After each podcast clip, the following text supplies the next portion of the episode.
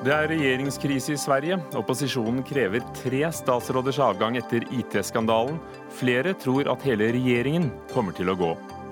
I Norge vil Arbeiderpartiet ikke danne regjering med Miljøpartiet De Grønne. Vi står altfor langt fra hverandre, sier Ap, mens De Grønne mener Støre har fått miljøangst. Historiske spill er dårlig teater, sier teaterkritiker på dagen for årets premiere for eh, spelet på Stiklestad. Regissør Marit Moe Maune mener kritikeren har misforstått hele sjangeren. Og denne uka ble bygda Utvik rasert av flom. Det er helt tilfeldig hvilke elver som blir flomsikret, sier NTNU-professor, som møter Vassdragsdirektoratet til debatt.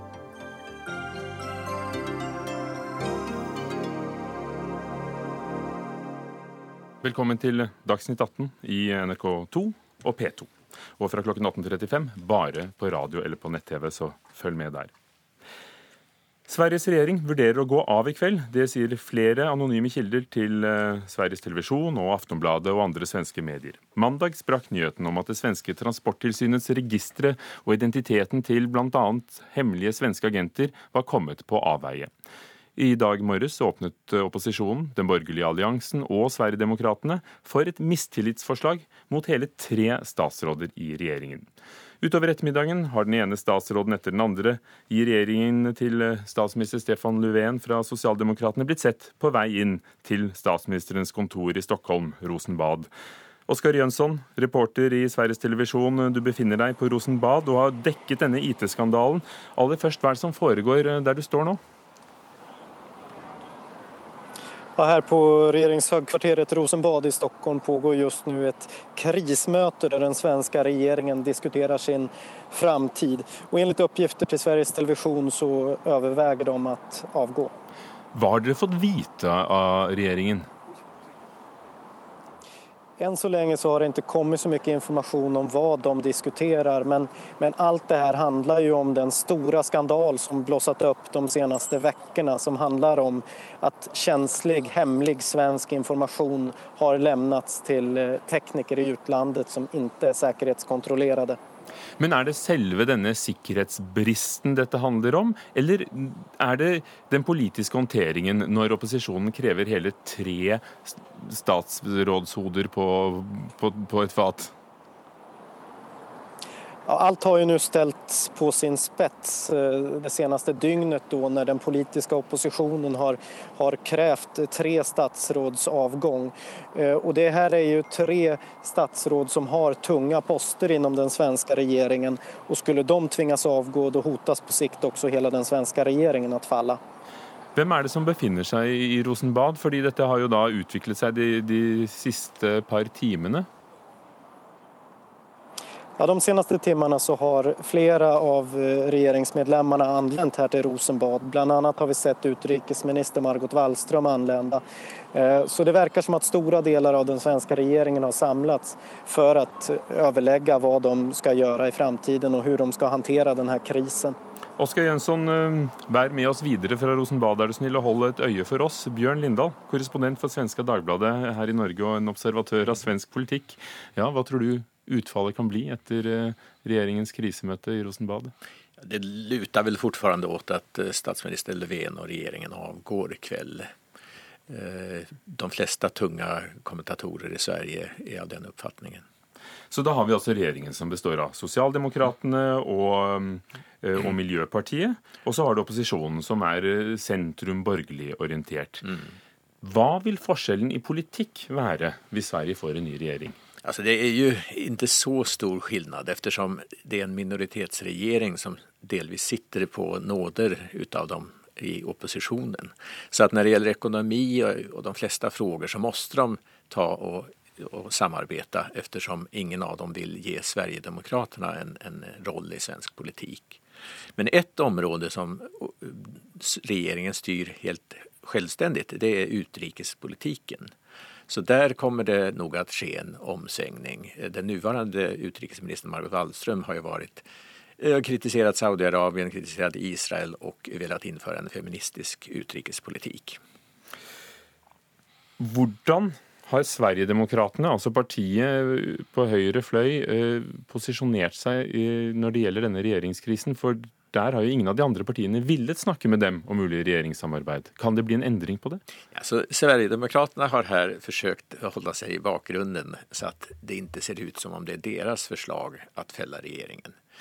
Eh, de vil felle regjeringen, og de vil komme inn i svensk politikk på samme sett som Fremskrittspartiet har gjort i Norge. Så att eh, de, de vil at, at att det her blir et led i, i deres langsiktige mål at, at få være med og bestemme. Men enn så lenge så sier da fortfarande Centerpartiet at det er ikke aktuelt å bilde en ny regjering med Sverigedemokraternas røster. Så hvordan man får ihop det her er litt oklart. Blir det et nyval? Blir det et, eh, en direkte overgang? I Sverige er det jo talmannen som får, som får eh, det er altså stortingspresidenten, og ikke kungen som skjøter eh, innkallingen av de ulike partiene når man skal ha en ny regjering. Så det, så det, er da riksdagspresidenten mm. eller talsmannen ja. som oppnevner, utnevner denne regjeringen? Ja, som da sonderer, som det heter, om det fins tilrekkelig mange som kommer røste for den. Oskar Jønsson, hvor alvorlig eh, Hvordan ble denne situasjonen så alvorlig for eh, Löfven? Måtte det gå så galt? Det, allt, allt handlar här nu om vad regeringen har vetat och uh, när de fick information och vad de i så fall gjorde med den informationen. Uh, många söker ju svar på den frågan när regeringen blev informerad och där har det varit dubbla budskap. Och det är väl det som har gjort krisen så allvarlig för statsminister Löfven att, att man inte från början har tydligt lagt korten på bordet och berättat vem som visste vad och vad de faktisk har vidtaget for åtgärder.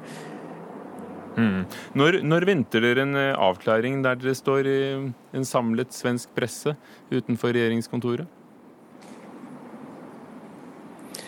Ja, det er ingen som vet än när eh, regjeringen kommer att lämna besked. Eh, det man kan säga är att vi har ventet i flere timmar redan och ju längre tiden går desto svårare eller desto allvarligare verkar ju eh, den här krisen vare. Enligt de källor som vi pratar med så tyder, tyder det på at om det här mötet tar lang tid så er det mye som taler for at regjeringen faktisk kommer att avgå. Bjørn Lindahl, ville det vært en mulighet med, med utskriving av nyvalg? Ja, det er en mulighet, eh, men den gjelder jo da bare for ett år. Eh, de vanlige valgene skal holdes, så vi holder et nytt valg 2018 uansett. Og da blir det for Löfven, skal han sitte kvar et år kritisert med en svag regjering, eller skal han avgå nå og så håpes at han kan komme tilbake sterkere 2018? Mm. Ja, hva, Er det en mulighet for at han lar noen ministre gå og fortsetter? For nå snakker jo hele Sverige som om regjeringen går av. Ja, jeg tror han hadde gjort det redan. Om han hadde valgt den løsningen, så skulle han ha gjort det redan i går. Mm. Takk skal du ha. Bjørn Lindahl, korrespondent for Svenska Dagbladet i Norge. Og tusen takk til deg, Oskar Jønsson, reporter i Sveriges Televisjon. Vi følger selvfølgelig på NRK Nyheter utover kvelden hva som skjer med den svenske regjeringskrisen. Dagsnytt 18 alle hverdager kl 18.00 på NRK P2 og NRK2.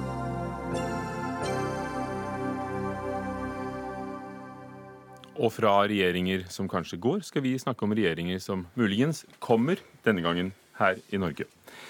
I går avviste Arbeiderpartiets leder Jonas Gahr Støre et mulig regjeringssamarbeid med Miljøpartiet De Grønne og med Rødt. Ap har lenge holdt døren åpen for alle partier, unntatt Høyre og Fremskrittspartiet, som mulige regjeringspartnere. Og nå har derimot MDG og Rødt altså fått denne døren i fleisen, ifølge Verdensgang. Og Ap sitter igjen med færre muligheter. Trond Giske, stortingsrepresentant for Arbeiderpartiet og nestleder. Hvorfor vil dere ikke sitte i regjering med De Grønne eller Rødt? Hovedgrunnen er jo at vi eh, må ha et eh, regjeringsgrunnlag og regjeringspartnere som er såpass nære oss at vi får et styringsdyktig alternativ. Hvis det blir for stort sprik mellom eh, de partiene som styrer, så blir det uklar retning, og vi har kjempeviktige oppgaver å gå løs på med den store ungdomsledigheten, med eldreomsorg, skole, skape mer rettferdighet. Og da må vi ha handlekraft fra dag én. Og der er avstanden mellom oss og både Rødt og MDG eh, for stor. Og i tillegg så har jo MDG stilt eh, et eh, klart ultimatum for å støtte en regjering, og det er et krav vi ikke kan gå med på. Una Aina Bastholm, nasjonal talsperson for eh, Miljøpartiet De Grønne, førstekandidat i Oslo. Ja, hva, Hvordan oppfatter du dette signalet?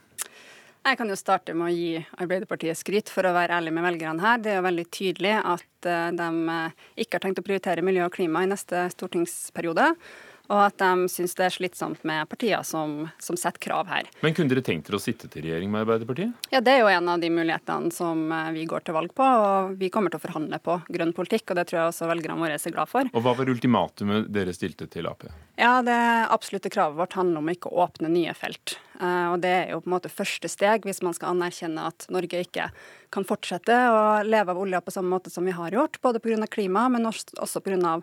norsk økonomisk sikkerhet, egentlig. Det begynner å bli et ganske uh, usikkert marked. fordi akkurat for olje og gass så er markedet i veldig stor endring. Det er en fornybar revolusjon som skjer der ute i verden. Og det mener vi er lurt å ta høyde for. Og Trond Giske, da var det vel kanskje De Grønne som stengte døren for dere, og ikke omvendt? Ja, det, det er nok eh, egentlig riktig å si. La meg bare først si at vi skal selvfølgelig samarbeide med Miljøpartiet De Grønne i neste stortingsperiode som i denne om viktige klimasaker, om annen politikk der vi er enige. Så du vil ha stemmene deres? Eh, nei, jeg vil eh, gjerne finne gode løsninger sammen med dem i eh, enkeltsaker og på saksområder, men det vi snakker om her, er jo grunnlaget for en regjering. Hvem skal vi sitte i regjering med, eller hvem skal vi ha en samarbeidsavtale med? Og det er et litt større og mer alvorlig helhetlig valg for en periode. Og det MDG sa på sitt landsstyremøte nå i juni, det var at de kom ikke til verken å sitte i en regjering eller støtte en regjering som åpna en eneste letekonsesjon i neste periode. Og de vedtok jo også på sitt landsmøte at oljeindustrien skal være avvikla innen 15 år. Eh, og vi kommer nok en gang i framtida til å ha en karbonfri framtid. Men for Arbeiderpartiet så må vi ha beina plassert både i en god klimapolitikk og en god nærings- og arbeidspolitikk. Vi kan ikke kaste titusen eller hundretusenvis av mennesker ut i arbeidsløshet i omstillingsprosessen mot klima. Så her skiller vi lag med MDG. Vi tar ultimatumet deres på alvor og sier nei, det er et ultimatum vi ikke kan gå med på. og da er ikke vi samarbeidspartnere i en regjeringskonstellasjon. Bastholm, er dere lite konstruktive? Dere er sikkert uenige om, om, hva en grønn omlegging ville ført til av arbeidsplasser og arbeidsløshet, men, men er, er, dere for bastante hvis dere skulle oppnå, oppnå noe? Kunne dere oppnådd mer ved å samarbeide? Nei, altså det å sette et sånt krav, som egentlig er et veldig mildt og forsiktig krav i forhold til det som skjer i verden nå. Eh, Frankrikes regjering har jo akkurat gått ut og sagt at de også vil slutte å lete etter ny olje og gass. Vi har allerede funnet mye mer fossil energi på kloden enn vi kan drive og ta opp. Eh, og Norge har alle mulige grunner og muligheter til å satse annerledes. Og vi mener jo at man nettopp unngår en sånn plutselig eh, ledighet, som vi så i 2015 f.eks. Eh, innenfor olja, ved å planlegge den utfasinga istedenfor å vente på at markedet plutselig svinger. For det er det som skjedde sist, og det er det som er sårbart for både arbeidsplassene og dem det gjelder, og for norsk økonomi. Så hva sier du om Aps miljøpolitikk? Nei, Det viser jo veldig tydelig at de ikke ser at man må prioritere hvis man skal satse på klima. og Arbeiderpartiet har jo fra før ganske dårlig troverdighet på klima- og miljøpolitikk. De bruker alle muligheter nå i valgkampen til å ikke nevne klima og miljø når de snakker om de viktigste sakene for Norge. Og først og fremst er jo det et signal til velgere om at hvis du er opptatt av miljø og klima, og at Norge skal ta en viktigere og større rolle internasjonalt for at fremtidige generasjoner skal ha samme muligheter, velferd og trygghet som oss, så er nødt til å stemme Miljøpartiet De Grønne, og ikke på Arbeiderpartiet. Giske, er dere feige i miljøpolitikken? Nei, du skal jo ikke lenger inn tilbake i går, hvor eh, Jonas Gahr Støre var på Vestlandet og lanserte vårt program for å investere i elferger, som kan erstatte forurensende ferger, og samtidig skape arbeidsplasser for en hardt prøva verftsindustri på Vestlandet, og skape ny næringsutvikling. Og Det er den måten vi tilnærmer oss klimautfordringa på. At ja, vi må ha gjennom en storstilt omstilling, men vi kan gjøre det på en måte som hjelper norske arbeidsplasser, trygger norske familiers inntekt og sørger for at Norge kan betale velferd og velstand. Giske, det er vår strategi. Kan vi snakke litt politikk? Høyre og Fremskrittspartiet har jo lenge sagt at velgerne ikke vil vite hva de får med en stemme på dere i regjeringskontorene. At velgerne kan ende, risikere å ende opp med Rødt og MDG. Er denne beslutningen og dette tydelige signalet da, da Støre ga dette intervjuet i VG, eh, gjort for å ta brodden av dette her? Det er ikke gjort som et svar på, på, hva Høyre og Frp sier, men det er gjort som et svar på uh, hva velgerne kan forvente med Arbeiderpartiet. Vi har sagt at uh, Senterpartiet er, er, nær oss. SV, som vi satt i regjering med åtte år, er, er nær oss. Og så har vi også holdt døra åpen for KrF og Venstre. Nå har jo Grande sa i Dagbladet at jeg kommer i hvert fall ikke på tale. Nei, det var det jeg så jeg skulle til å si, at uh, Trine Skei Grande har slengt den døra ganske kraftig igjen. Og det er greit. Jeg føler at som et stort parti så skal Arbeiderpartiet være åpen og sjenerøse, men at Venstre sier nei.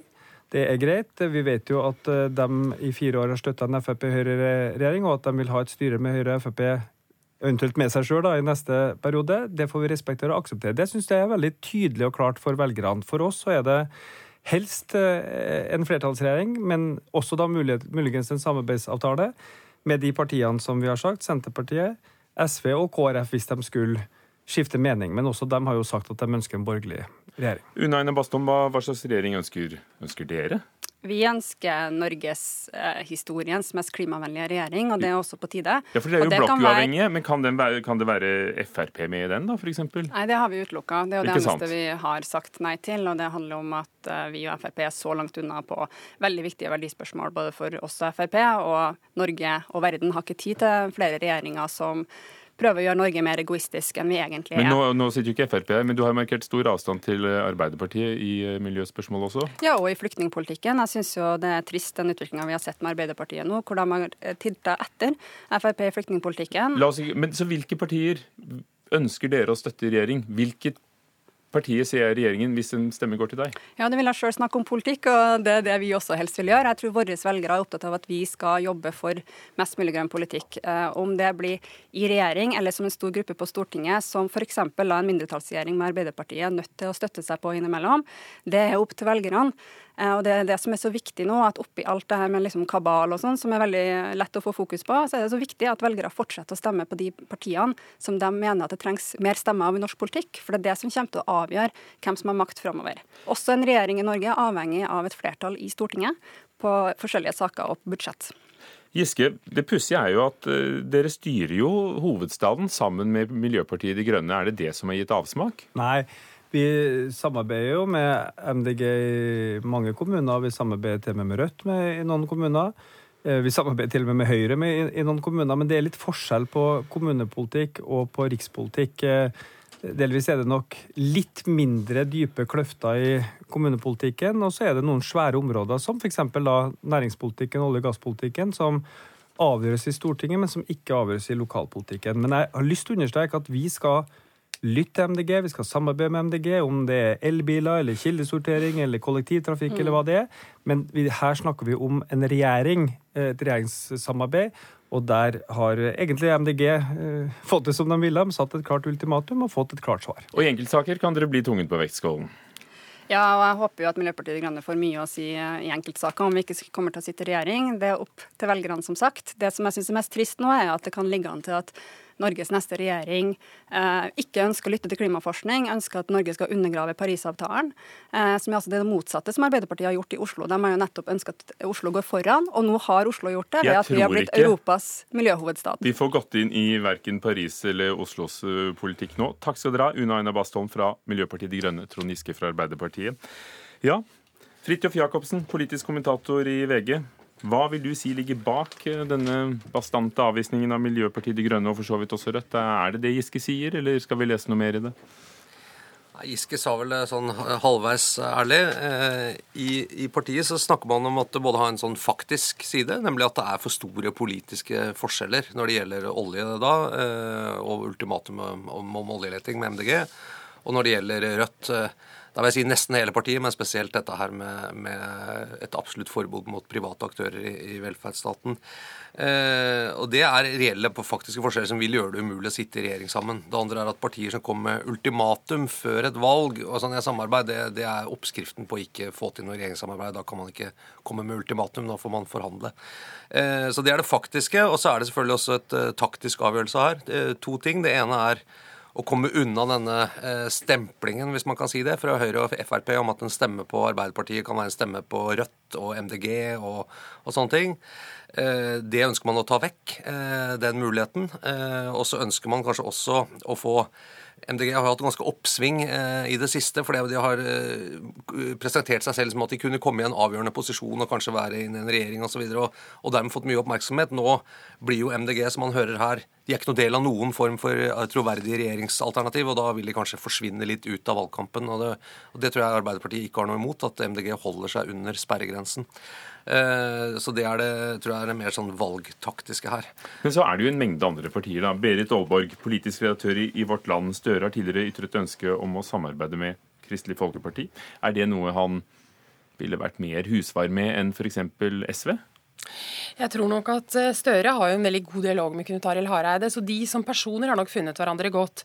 Men det er et strategisk, hva skal jeg si, et maktstrate, maktstrategisk perspektiv i det. For Støre han, han ønsker jo å danne en sentrum-venstreblokk mot Frp.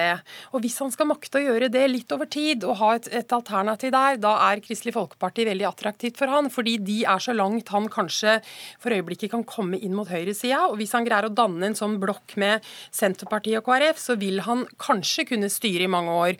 Så jeg tror nok også det er et veldig viktig perspektiv for han i forhold til SV. fordi hvis du ser på SVs posisjon, så er det ingenting som tyder på at de noen gang vil støtte en regjering som, som, hvor Frp og Høyre er med. Så de har så å si ikke et annet alternativ enn å støtte en Arbeiderparti-regjering uansett. Meningsmålinger i juli viser altså at Arbeiderpartiet og Senterpartiet, og dette er dette snittet av alle meningsmålingene fra stedet Polls of Polls, ehm, en samlet oppslutning på 44% Senterpartiet og Arbeiderpartiet. 78 mandater, ikke rent flertall. Eh, SV og KrF er pekt ut som de mest aktuelle partnerne. Ehm, hva vil være avgjørende for om de blir med Arbeiderpartiet og Senterpartiet? Valgresultatet er vel én ting. Eh, F.eks. om de kommer over sperregrensen. Eh, det kan jo være et, er et dilemma for både KrF og, og, og, SV, som i hvert fall er en mulighet. Om ikke det er veldig sannsynlig, så er det i hvert fall en mulighet at de kan havne under. Eh, det er ingen hemmelighet at Jonas Gahr Støres ønskeregjering er en flertallsregjering med Senterpartiet og KrF. Det er hans første prioritet når det gjelder å danne en regjering. Han ønsker en flertallsregjering, for han tror det vil gi bedre styring. Nå sa Trond Giske at de kunne gå inn i samarbeidsavtaler med partier etter en modell fra det man har sett på borgerlig side. Det er helt i strid med hva jeg har hørt fra andre steder i partiet. Så har de sagt at den typen samarbeidsavtaler som man har sett i, i, det, i det, borgerlige flertallet her, det har vært en betinget suksess, for å si det forsiktig. Ikke minst for de små partiene har jo vært nærmest katastrofalt. Så de, jeg tror ikke at det er noe aktuell ting. Eh, og så er det selvfølgelig SV. Eh, dette er, tror jeg jeg tror, Gitt at det borgerlige flertallet ryker, så tror jeg det vil bli et uh, voldsomt spill rundt disse sonderingene og forhandlingene. Og Her er det veldig mange dimensjoner som skal inn. Det ene er at uh, Kristelig Folkeparti, Det er ikke noe lett for Kristelig Folkeparti å skifte side i politikken. Uh, velgerne er ganske negative til det det må nærmest fremstilles som en slags siste utvei for KrF å gå inn i en regjering sammen med Arbeiderpartiet eh, og Senterpartiet. Noe som man gjør nærmest for å liksom verne Norge mot eh, en voldsom glidning ut mot venstre. Og da må jo det være et reelt alternativ, eh, ikke bare et papiralternativ for at Knut Arild Hareide skal kunne si at vel, dette, det holder oss for nesa, og så går vi inn med Arbeiderpartiet, for alternativet er mye verre også for oss. Og så har han fire år på seg til å bevise at det at velgerne venner seg til det. Og sannsynligvis alle politiske gevinster han har fått med Høyre og Frp, vil han kunne få med Arbeiderpartiet. Eh, det gjelder både penger til bistand, eh, og det gjelder penger til eh, ideelle organisasjoner, som de kaller altså kristne organisasjoner som driver i velferdsstaten, sykehjem, rusomsorg og, og, alle mulige forskjellige ting som vi ser på alle budsjettforhandlinger. Men, det vil han kunne få med Arbeiderpartiet. Så, så men, men vil det kunne splitte Kristelig Folkeparti? Og vil de kunne holde? Støre sier jo til, til din avis til VG at, at han akter å regjere i mer enn fire år. Altså jeg, eh, KrF har gjennom alle år hatt en høyrefløy og en venstrefløy. og For tiden så er høyrefløyen sterkere, rett og slett fordi man har samarbeida til høyre. og Det har hatt en viss avskaling på denne venstresida. Så jeg tror at den høyresida i KrF den er relativt sterk, og den kan skape en del bråk. Men spørsmålet blir da om man sitter og ser at uh, Fremskrittspartiet da vil være alternativet som kommer til å sitte i regjering uansett. Og det er ganske mange i KrF som også er veldig lei av FrPs retorikk, f.eks. i innvandringsdebatten debatten, f.eks. i klimapolitikken. Så, så, Du så jo nå at det var jo 11 jeg tror TV 2 hadde vel en oversikt der hvor de hadde snakka med fylkeslederne til KrF, og der var det 11 av 16 som var åpne for å samarbeide med Arbeiderpartiet. Så det har nok vært en ganske lang prosess i partiet. Men jeg vil si at jeg tror det kommer til å også bli bråk i KrF om det skjer. Jeg tror vi i vårt land kommer til å få en del sinte lesebrev fra de som ikke ønsker det. Men det blir en stor dag for vårt land hvis KrF går inn i en Arbeiderparti-ledet regjering. Det gjør det, jo, Berit Olvor. Vi, har egentlig sagt eh, som det er, at vi, vi, eh, vi, tror at de kan samarbeide begge veier. Og jeg syns jo faktisk at man kan det som et sentrumsparti. Det mener jeg både Senterpartiet og Venstre bør kunne gjøre. Så eh, det, det blir ikke noe større i dag om de gjør det eller om de samarbeider med Høyre, men jeg tror det avstanden til Fremskrittspartiet er så lang at det vil være krevende. Det samme tror jeg faktisk med SV. Et, et poeng på slutten her bare. Når, når vi snakker om disse mulighetene, så, så er jo premisset at det borgerlige flertallet ryker. Det er først da tror jeg KrF kan komme i spill. Holder de fire partiene det borgerlige flertallet, så vil etter all sannsynlighet dagens regjering bli sittende, i hvert fall til det skjer noe på Stortinget som gjør at det kan komme mistillit.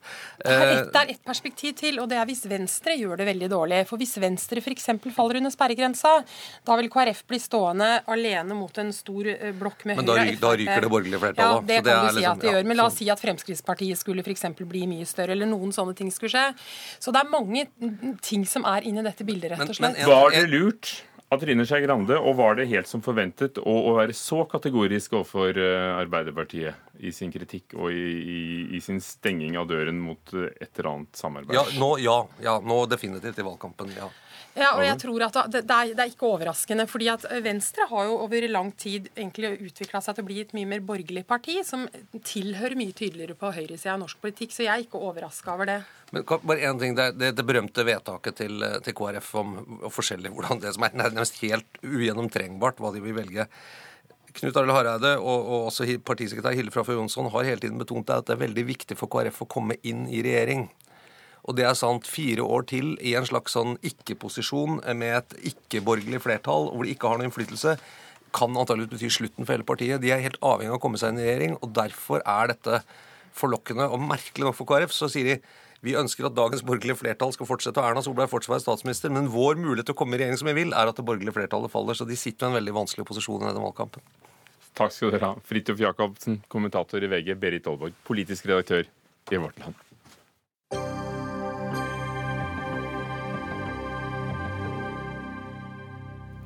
De har holdt på siden 1954, og i dag er det premiere igjen på Spel om Heilag Olav på Stiklestad. Og så finnes det mange andre spill. 100 spill er aktive i Norge. 70 ble spilt i fjor. Maridalsspillet, Karolinespillet, eh, Elden på Røros. Det er mange av dem som eh, gjerne foregår utendørs, og gjerne tar for seg historiske begivenheter. Titusener av mennesker samles hvert år, og nå kommer altså en teaterkritiker og sier at spel er dårlig teater, har lav kunstnerisk kvalitet og er nasjonalistisk. Julie Rognve Amundsen, det er du som er denne teaterkritikeren. Du sa det i Klassekampen, du har sagt det på din egen blogg, og du er i gang med å se veldig mange spill, for du skriver en bok om dem. Hva gjør spill til dårlig teater? Nei, det den min kritikk har gått på, er at jeg mener at veldig mange spel er veldig gamlemodige og anachronistiske i teaterformen sin, i teateruttrykket. Eh, og at når jeg har sett dette som teaterkritiker, så er jeg blitt slått av hvor gammeldags det er, og hvor kjedelig jeg har syntes det har vært. Eh, og at det ikke hadde holdt mål eh, som sceneteater, da. Og, men, og, men jeg mener jo heller ikke at det er sceneteater, det er en helt annen sjanger, så man må kanskje diskutere det på en annen måte. Men du skriver selv det hjelper ikke å komme og være sur teaterkritiker fra Oslo når man skal forstå uh, spel. Så det, hvorfor vil du gå inn i det? Hvorfor har du brukt to somre på å se en mengde spel? Uh, jeg, altså Min kritikk uh, som jeg skrev på den bloggen, var i utgangspunktet et slags hjertesukk. både fordi at jeg så at jeg som teaterkritiker ble litt matt. Eh, men så så jeg også at disse spillene inneholder så veldig mye mer. Eh, de er så mye større, det er større begivenheter. Eh, og så måtte jeg prøve å finne en måte inn i dette materialet, samtidig som jeg må få lov til å si at som teater så holder det ikke mål. Marit Moe Maune, kjent regissør fra teater, men også for Elden på Røros i mange år, og også for eh, spillet om Hellig Hellige Olav på Stiklestad, som du hadde ansvar for i, i mange år, opp til i for i fjor. Hva syns du? Har hun forstått sjangeren? Jeg syns det er et langt og ganske pratsomt hjertesukk. Eh, og jeg er veldig, veldig glad for at hun trekker tilbake litt, for det er ganske bombastisk. Da gikk det på at spill overhodet ikke var kunst. og det er klart Man må se veldig mange spill for å kunne definere en kunstform. Men jeg er helt enig i at spel er noe helt spesielt. Jeg var jo sjøl som eh, min motdebattant veldig skeptisk og negativ til spill gjennom hele min unge karriere som instruktør. Og så har jeg en søster som er professor og som, som har skrevet doktorgrad om spill. og så omvendt hun meg fikk meg til å dra ut. Og plutselig oppdager jeg en kunstform som nettopp, som eh, det blir sagt her, representerer noe annet enn det som foregår inn på teatrene. Gudskjelov. Når jeg lager grunnregien nå på Elden på, på, på, Røros, så har jeg selvfølgelig også tenkt samspillet mellom silhuetten av kirka og sola, naturen, opplevelsen, og vissheten om at det er en landsby som står og spiller det for publikum. Det er virkelig det viktigste delen av kunstverket. Er det du Amundsen, som ikke har forstått sjangeren? Nei, det tror jeg ikke. Men det er jo helt klart at eh, når man er kritisk eller når man ser noen ting og har en opplevelse av det, så er det en subjektiv opplevelse. Uh, og selv om, og det skriver jeg jo litt om i det innlegget også, at uh, jeg ser jo at folk trives. så det er ikke sikkert at jeg skal komme og, ha en autoritativ lesning av dette og si at sånn er det. alle må jo få lov til å gjøre seg opp sine egne oppfatninger. Samtidig så syns jeg jo at Eller jeg tror at hvis man hadde utfordret litt, så hadde man kanskje oppnådd noe mer og lagd større, uh, bedre forestillinger som også hadde nådd enda bredere. Jeg er jo også kritisk fordi at jeg mener at uh, veldig mange spill er ideologiopprettholdende. altså I den forstand at de formidler norsk historie og ideen om den norske nasjonen på en veldig eh, spesiell måte som jeg ikke syns er riktig. Eh, men det gjelder absolutt ikke alle spill, men det gjelder særlig Stiklestad-spillet. Marit Moe Maune, ja, Stiklestad-spillet er jo det du har hatt hånd om som nå nest sist, før Hanne Tømta overtok. Hva gjorde du med det gamle materialet? Det har jo ligget der siden 50-tallet. Altså, jeg syns Stikleste Pellas om hele Gola er en kjempevanskelig oppgave å møte. I løpet av tolv dager så skal du få 16 hester og 200 mennesker på scenen til å fungere sammen. Det er den praktiske sida som kanskje ikke teoretikeren har så veldig forhold til. Men, eh, men det er én ting. Noe annet er at det skal involvere noen, man skal få en slags følelse av at det er fellesskapet som står der. Og så har du selvfølgelig når det gjelder Stiklestad, kanskje ikke det vi skal diskutere akkurat det her nå, så har du det aspektet av at det er et stykke som er skrevet post andre verdenskrig, av pasifister som ville ta tilbake vikingestetikken. Så kan man diskutere om det er smart eller ikke, men det blir gjort. Men det som er klart, det er at hvis jeg skal sammenligne med noe, for meg har det vært enormt endrende i mitt liv å dra ut og, gjøre spill. Det fikk dratt meg ut av en slags um, transe av at det vi holdt på med var noe lukka som, som angikk noen få folk, og ut til folk og spille folketeater, for det er det det er, da. Men må og, folketeater være gammeldags eller førmoderne, som Julie Rangve sier? Jeg har følelsen av at Julie her ikke har sett alle spill i Norge. Jeg har sett ganske mange av dem. Og det er klart det er stor forskjell på spillet på Stiklestad eh, og det Olavspillet nedi, nedi, nedi eh, Østfold som var nettopp nå, og litt forskjell. Altså, de ser veldig, veldig overraskende forskjellige ut, i hvert fall dem jeg har vært og sett. Og det er klart, Vi har jo f.eks. noen premiere snart på Per Gynt på Gålå. Så vil da enhver teaterteoretiker si ja, men det er jo Ibsen. Nei, det er et sted hvor en gammel tekst blir brukt akkurat der den var skrevet til. Og det er klart at Strøm Reibo som setter opp der nå, hun har store kunstneriske ambisjoner med de amatørene som er der. For kan ikke kunsten skapes også nettopp ved å ta noe som er en gammel tradisjon, og flikke på det, gjøre noe med det. Se det som en helhet. Der hester og amatører og proffer møtes over ja, ofte så lite som en uke. Spør du meg? Ja. eh, jo, eh, selvfølgelig. Eh, det er klart det kan det. Eh, og jeg sier ikke at det ikke er kunst, det kommer jo helt an på hva slags eh, kunstbegrep man legger til grunn. Eh, men eh, at det kunne vært bedre kunst, og at det kunne vært kunst som utfordret og, åpnet fortolkningsrommene, eh, det mener jeg at det kunne ha vært. Ja, det, det syns jeg er bra du sier, for det, klart, det tenker jeg hver eneste gang jeg gjør oppsetning, om det er på Nationaltheatret, Nasjonalballetten eller oppe i grøft oppe i Gålå, så hadde jeg tenkt at det her skal være bra og utfordrende, og det her fikk jeg aldri godt nok til. Så det ligger jo i det. Men jeg syns på et eller annet vis at du synliggjør en litt sånn konservativt kunstsyn. For du er, eh, du, er, du er, opptatt av litteraturen i det, veldig opptatt av det, som jeg syns er overraskende at det skal ha hovedvekt. Og så syns jeg at du glemmer samspillet mellom natur og omgivelser, det stedspesifikke, ved det som foregår der. At man løfter det ut av en annen sammenheng. Og jeg synes på mange måter jeg, jeg har lyst til å ta opp, jeg synes det er inspirerende det du sier, fordi at det får alle oss til å skjerpe oss. Men jeg syns det kunne vært litt spennende hvis man så det i sammenheng med en del nytt teater. Nå kan man bruke amatører av det veldig vanlige, det helt helt moderne teatret. Og Bruk funksjonshemmede mennesker, bruk folk som er asylsøkere rundt omkring. Og Hvis du vil dra et sted og se et sånt moderne grep, så skal du dra på et vanlig spill. Der finner de alle sammen med en første teateropplevelse. Og det kan kanskje være det Amundsen, som gjør at så mange tydeligvis elsker både å være med og å se på? Ja, og jeg syns det Marit Mohammed sier der er veldig fint. Eh, jeg forstår også den kritikken av meg om at jeg er litt opptatt av dramaturgien. Jeg tror kanskje det er også fordi det er veldig lett å, å påpeke. Eh, og jeg eh, er jo egentlig i det liksom større arbeidet mitt ganske opptatt av hvordan man bruker stedet. Og det syns jeg jo er en svakhet i Stiklestad-spillet også, hvordan stedet brukes. Både gjennom teksten, det at det at det egentlig ikke foregår på Stiklestad, men på Sul. Og at det er en sånn eh, forvirring. Og så ser man ikke egentlig stedet, man ser ikke slagmarken.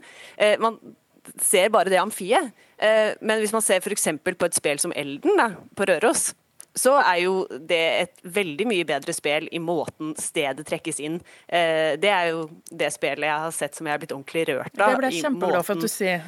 Måten Røros som sted eh, formidles eh, scenisk. Eh, det det er svakheter ved det spillet også, men, er, men, der brukes stedet på en veldig mye mer interessant måte.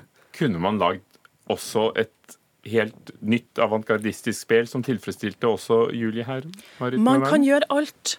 Men det som er der nå, det er det spillet, og det har folk en enorm kjærlighet til. Og jeg tror jeg ville ha sett Jeg oppfordrer nå deg på andre enden her, skriv et spill. Jeg skal gjerne sette opp det, og så skal vi ta oss og finne ut hvor mange som kommer. nå er jo ikke jeg kunstner, og jeg har ikke tenkt å skrive et spill, eller egentlig komme med noen oppfordringer, men jeg har bare litt lyst til å si at sånn som eh, en del spill er i dag, eh, og da kanskje spesielt eh, Stiklestad-spillet, men også en del andre middelalderspill, så er måten det nasjonale og Norge fremstilles, er, syns jeg, litt kleint. Litt ubehagelig, rett og slett. Og Men, Det er egentlig det som er hovedpoenget i min kritikk. Takk skal du ha, Julie Rongve Amundsen, teaterkritiker. Og Marit Moe Maune, på, på Røros så fikk du tydeligvis til å tale både til Tusener oppmøte og til teaterkritikeren ja, fra Oslo. Og tvi til alle premierene denne uka. Det trenger dere alle sammen. Og godt vær. Takk skal dere ha, begge to.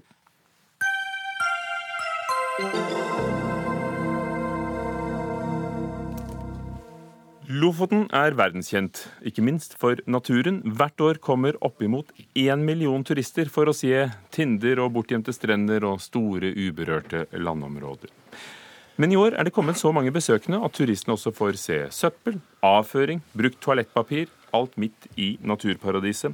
Ordførerne i området har lenge klaget på problemet, og nå er det kommet en mulig politisk løsning.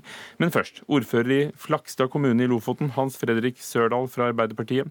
Tar vi ikke nok vare på, på Lofoten? Jeg syns jo først vi må begynne med den beskrivelsen du gjør, som kanskje ikke er helt uh, reell. Uh, det finnes noen plasser, ja, men uh, det er ikke det som er gjengangen i Lofoten. Eh, men nei, vi er for dårlig rusta som situasjonen er nå, med det antall besøkende som kommer til Lofoten og besøker oss nå. Det er helt korrekt. Det var bra du fikk rettet opp inntrykket, men vi har jo også sett disse bildene i reportasjer eh, hvor det blir forsøplet. Og, og, og hvordan, eh, hvordan, håndterer du problemet i din kommune? Eh, vi har endra og bytta ut alle søppeldunker med containere. Vi har eh, bytta Vi har lagt til rette. Senest i dag har jeg stått frivillig som parkeringsvakt for å, å guide turistene til de oppmerka områdene. Vi har en storstilt dugnad for å kloppe og ta vare på naturen. Og det er klart Vi oppfordrer alle våre innbyggere alle våre besøkende som tar med seg den søpla de eventuelt måtte produsere mens de er i vår region. Så er det en gang sånn at De mest populære utfartsstedene de vil på et eller annet tidspunkt få en full søppeldunk. Og Da er det faktisk mye bedre at søpla står rundt søppeldunken enn at det ligger på strendene og flyter. Eh, en annen ting som er med i der, det er at turistene er faktisk utrolig flinke til å være med og gjøre Lofoten til en renere plass. Dvs. Si at de tar med seg bl.a. marint avfall rundt omkring fra de forskjellige strendene, og setter da, eller putter det i de allerede fulle containerne fulle konteinere. Og for å løse dette problemet, som kommunene tydeligvis ikke alltid makter, så har Kristelig Folkeparti kommet med et forslag til løsning. Hans Fredrik Grøvan, stortingsrepresentant for KrF. En turistskatt, Hvordan skal det fungere? Ja, Når vi hører beskrivelsene om eh, de utfordringene som er i Lofoten, er i perle i, i, Norge, så er det klart at vi ønsker løsninger som kan ivareta dette med renovasjon, søppel, eh, avføring osv. på en skikkelig ordentlig måte. Turistskatt er jo ikke noe spesielt eh, for Norge. Vi har det i de fleste land i Europa i dag. Og en liten avgift, enten det er en tikroning ekstra på hotellregninga eller på annen måte, det tror vi ikke skremmer noen turister. Tvert om, du kommer til et område som blir tatt godt vare på, viser hvordan eh, vakre Norge kan se ut.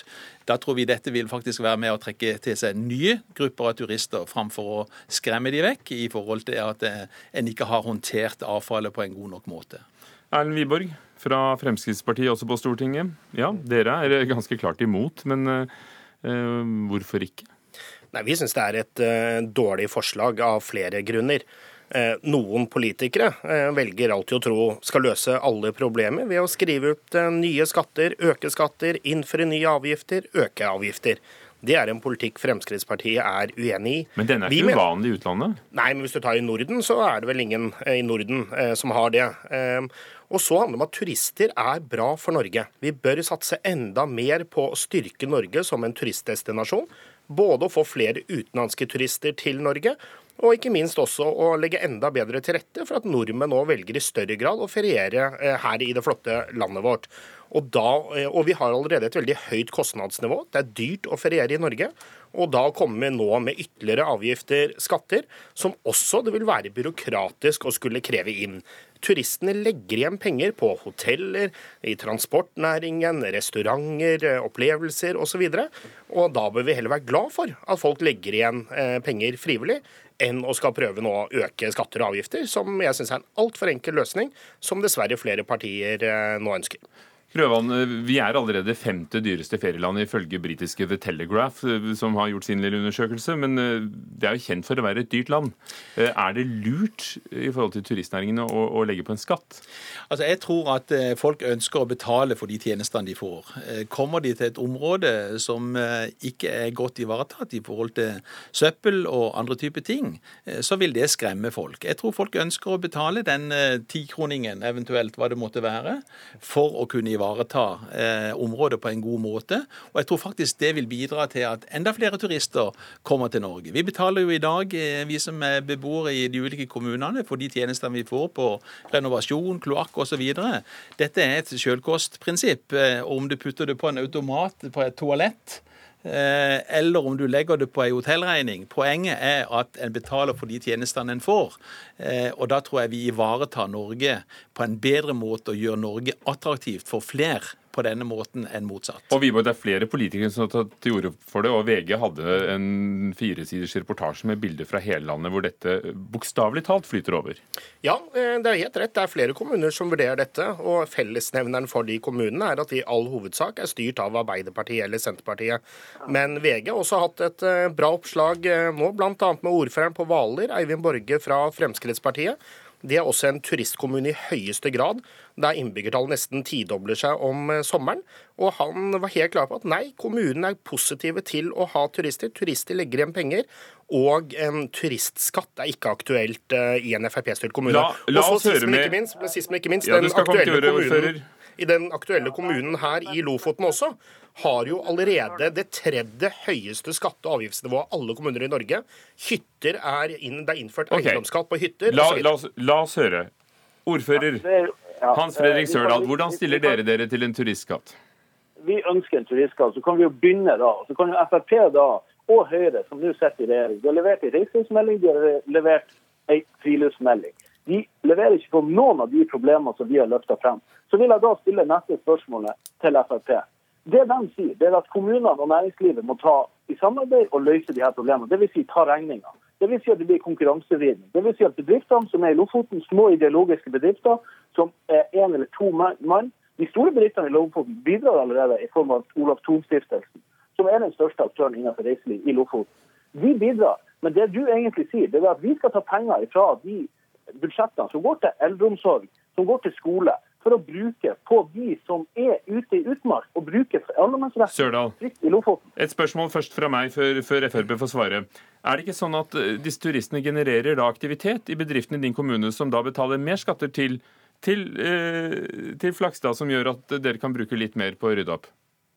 Vi har eh, Jo, men vi, vi, vi, vi, må, vi må faktisk skille. For at Her er det ikke snakk om bedrifter. Her er det snakk om den enkle turist. Jeg og du vi tar med oss vår familie, vi kjører og parkerer, vi går på en fjelltopp, vi tar noen bilder og vi går tilbake. Vi produserer søppel, vi produserer slitasje. Men vi handler vel i butikkene på Flakstad, tar inn på hotell osv.? Jo, jo, men, men hvor går det? Og der var det veldig dårlig forbindelse. Men uh, da gir jeg ordet til, til Wiborg, så kan han svare på spørsmålet du, du hadde i sted. Wiborg? Ja, men dette, jeg syns dette illustrerer eh, den Skal det tas fra eldreomsorgen? Nei, for dette illustrerer en åpenbar forskjell her på Fremskrittspartiet og Arbeiderpartiet. Vi mener at turister som legger igjen penger på hoteller, på restauranter osv., det er positivt for kommunene. Det er, ikke, det er en inntektskilde i seg selv. Og så når ordføreren også sier at regjeringen ikke har levert noe, vi hadde reiselivsmeldingen som ble godt eh, mottatt. Og så handler det om at vi har jo nå styrket kommuneøkonomien i Norge. Kommunene har aldri hatt bedre eh, resultat i dette årtusenet enn under dagens regjering. Jeg tenkte den ville komme. Ja, ja, men det henger med. Og så når ordføreren ja, her også har sørget da, som sagt, for at denne Arbeiderpartistyrte kommunen er på tredjeplass i Norge på høyeste skatter og avgifter, og allikevel så ønsker han å kreve enda mer. Noe jeg tror heller ordføreren bør satse på hvordan kan vi skape mer aktivitet i kommunen, og dermed generere mer inntekter. Men Sørdal, du sier altså at dere får ikke nok inn fra turistene til å kompensere dette? Vi har ikke vi har ikke et næringsliv i utmark. Vi har ikke næringsliv i utmark. Det finnes ikke, det eksisterer ikke. Det Frp legger opp til, det er en vridning av denne problematikken. Og Det jeg spør om da, det er å legge opp til ta skole- og eldreomsorgsbudsjett og bruke på eh, turisme. Vi skal eh, altså da eh, hente penger fra de her små bedriftene. Vi skal få en ekstrabelastning. Ja. Det er ikke sånn at Narvesen i Oslo må betale en avgift for å ha søppeldunker på Karl Johan. Det skjer ikke. Jeg tror vi fikk argumentene fra begge deres sider. Grøvan, jeg tror ikke du får med deg Det høres ikke ut som du får en bred politisk enighet Nei, om dette? om en eh, Det er et litt enkelt resonnement ved å si at eh, når turister legger igjen penger i en kommune, så går det rett i kommunekassa. Det er ikke sånn det fungerer. Men kan ikke eh, skjønnsmidlene som fordeles via fylkesmennene Jo, men det er ikke sånn det fungerer det heller, for det går på helt andre kriterier. Flakstad kommune er en minsteinntektskommune, og de får betalt i forhold til hva de skulle ha fått i forhold til et landsgjennomsnitt. Så dette er en, en utfordring. De er dimensjonert et renovasjonsvesen og et eh, avløpsvesen for de faste innbyggerne.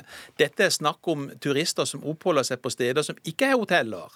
Eh, og dette kreves en ekstra dimensjonering. Derfor så bør vi sikre at Norge kan skinne på en god måte framover, være attraktiv for turister, og dermed bør vi også sørge for at de får utgifter, får inntekter som gjør at dette kan tas vare på en skikkelig og god måte. Det Takk tror jeg også, også Frp er enig i. Og så er det tydeligvis et visst politisk arbeid. Her hadde vi jo da Kristelig Folkeparti, eh, Hans Fredrik Grøvan, Fremskrittspartiet Erlend Wiborg og Hans Fredrik Sørdal, ordfører i Flakstad kommune fra Arbeiderpartiet. Hør Dagsnytt 18 når du vil. Radio NRK Radio.nrk.no.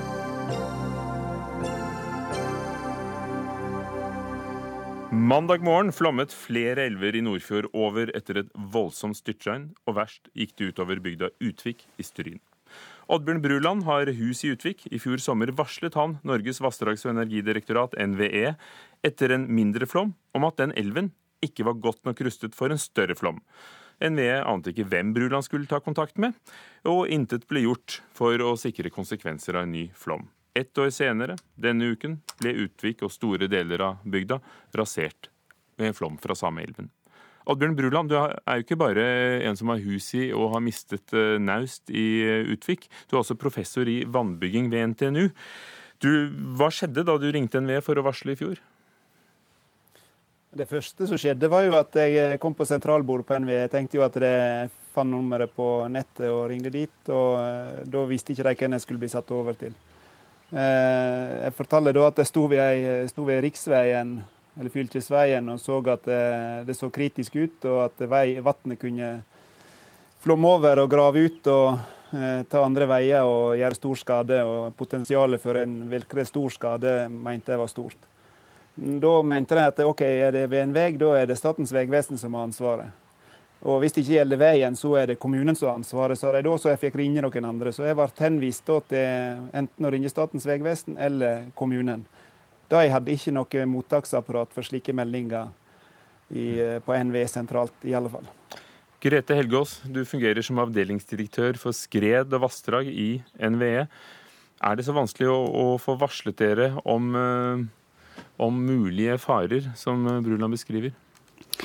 Eh, først har jeg bare lyst til å si at eh, jeg føler med de som er rammet av flommen nå, særlig i Stryn og Gloppen, slike hendelser oppleves selvfølgelig veldig dramatisk og skremmende. Og akkurat nå så har vi folk på stedet for å bistå kommunen i å vurdere hva som skal gjøres videre. Kunne de vært der for ett år siden?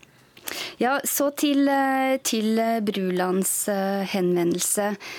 Og det er selvfølgelig veldig uheldig at Bruland har hatt en negativ opplevelse av sin henvendelse til NVE. Vi er jo en stor organisasjon som jobber med mange forskjellige ting, og av og til så kan det nok være sånn at man blir sendt litt rundt før man treffer den rette fagpersonen. Men eh, jeg tror ikke det er helt representativt for hvordan NVE blir opplevd. Vi gjør jo en del brukerundersøkelser som viser at eh, kommuner og, andre generelt er veldig godt fornøyd med NVEs eh, hjelp. Og når det gjelder den konkrete henvendelsen, så den gjaldt jo bekymring for eh, bruer i denne eh, storelva. Så kom jo den eh, fram til vårt regionkontor, og, de fulgte opp denne med en kontakt med, først med Stryn kommune, og vi var på en befaring med Statens vegvesen, og vi kom med forslag til tiltak.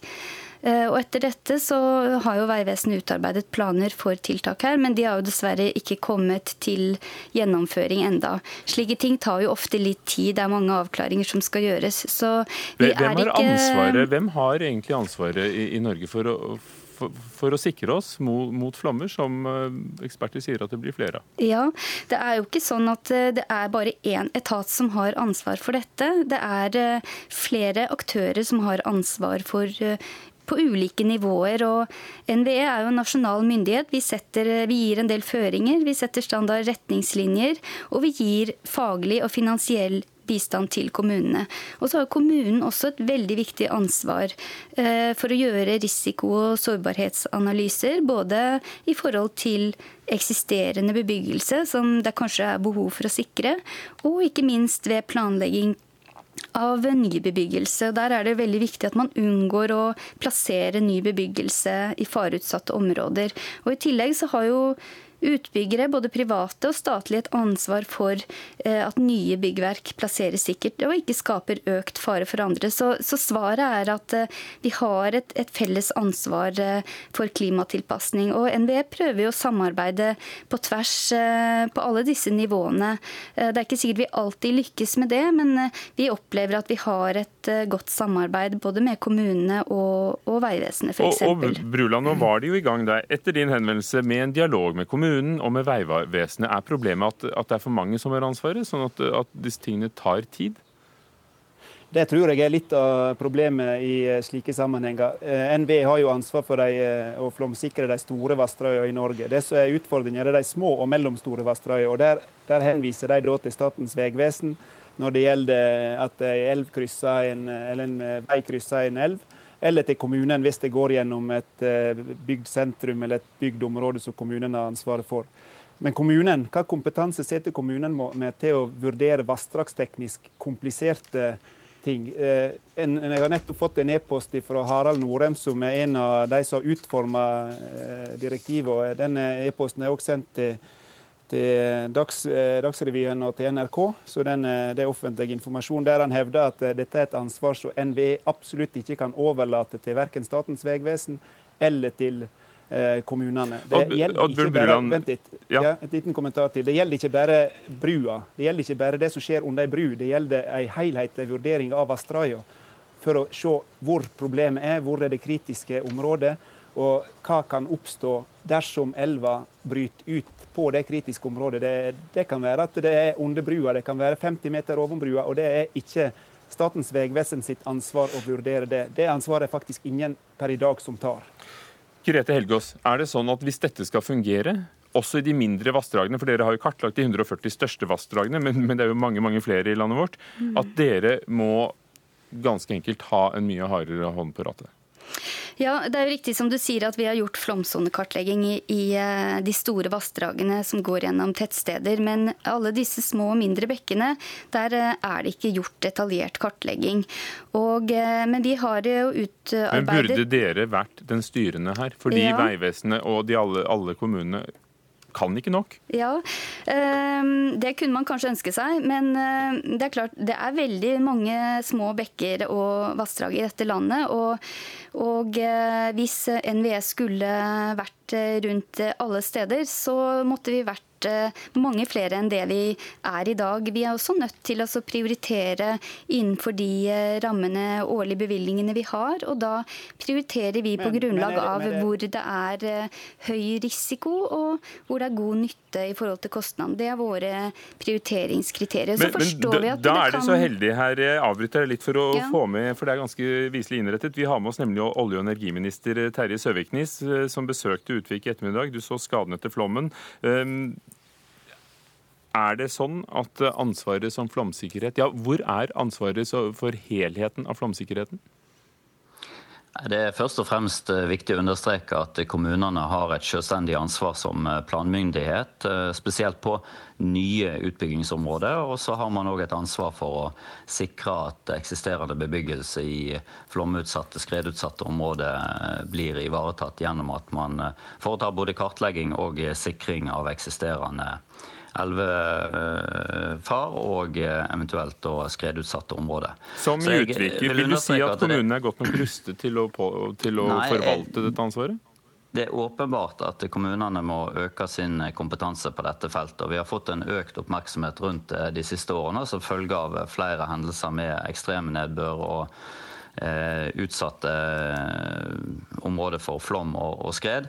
Eh, og Noe av jobben som NVE gjør, er jo å gi faglig støtte og eh, oppgradering av eh, kompetansenivået ute i kommunene, sånn at de kan være førstelinjer. For jeg har tro på at de som sitter tettest på og kjenner de lokale forholdene, er de som best kan vurdere dette. Men da må man bygge en kompetanse ute i kommunene og fylkeskommunene, sånn at de kan være tidlig på. Og det vil alltid være bedre å forebygge enn å måtte gå inn i ettertid og rette opp eh, slik vi nå har sett i, eh, i Utvik. Det er 2010 tragisk å se et lokalsamfunn som blir så hardt rammet. Både private eiendommer, gårdsbruk og offentlig infrastruktur har fått store skader. Og i store, store 2010. Søviknes, så kom det jo en offentlig utredning om konsekvensen av mer nedbør, som kom med anbefalinger om hvordan infrastruktur burde tilpasses. Konkluderte med at eh, dette kan ødelegge store eh, verdier. Flomsikring måtte på plass. Hva har skjedd på disse syv årene siden utredningen kom? Jeg kan først og fremst snakke for den perioden nå Fremskrittspartiet og Høyre har eh, sittet i regjering. og Vi har økt bevilgningene til eh, flom- og eh, i alle disse årene. Og har nå en bevilgning på 385 millioner kroner over NVE sitt eh, budsjett for 2017.